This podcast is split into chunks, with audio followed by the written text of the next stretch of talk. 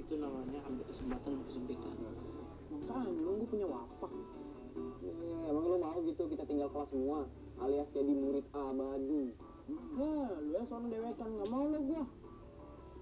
Kan gua mau bareng-bareng sama kalian. Nah, makanya lu, kalau ngomong jangan sendiri ketek lu.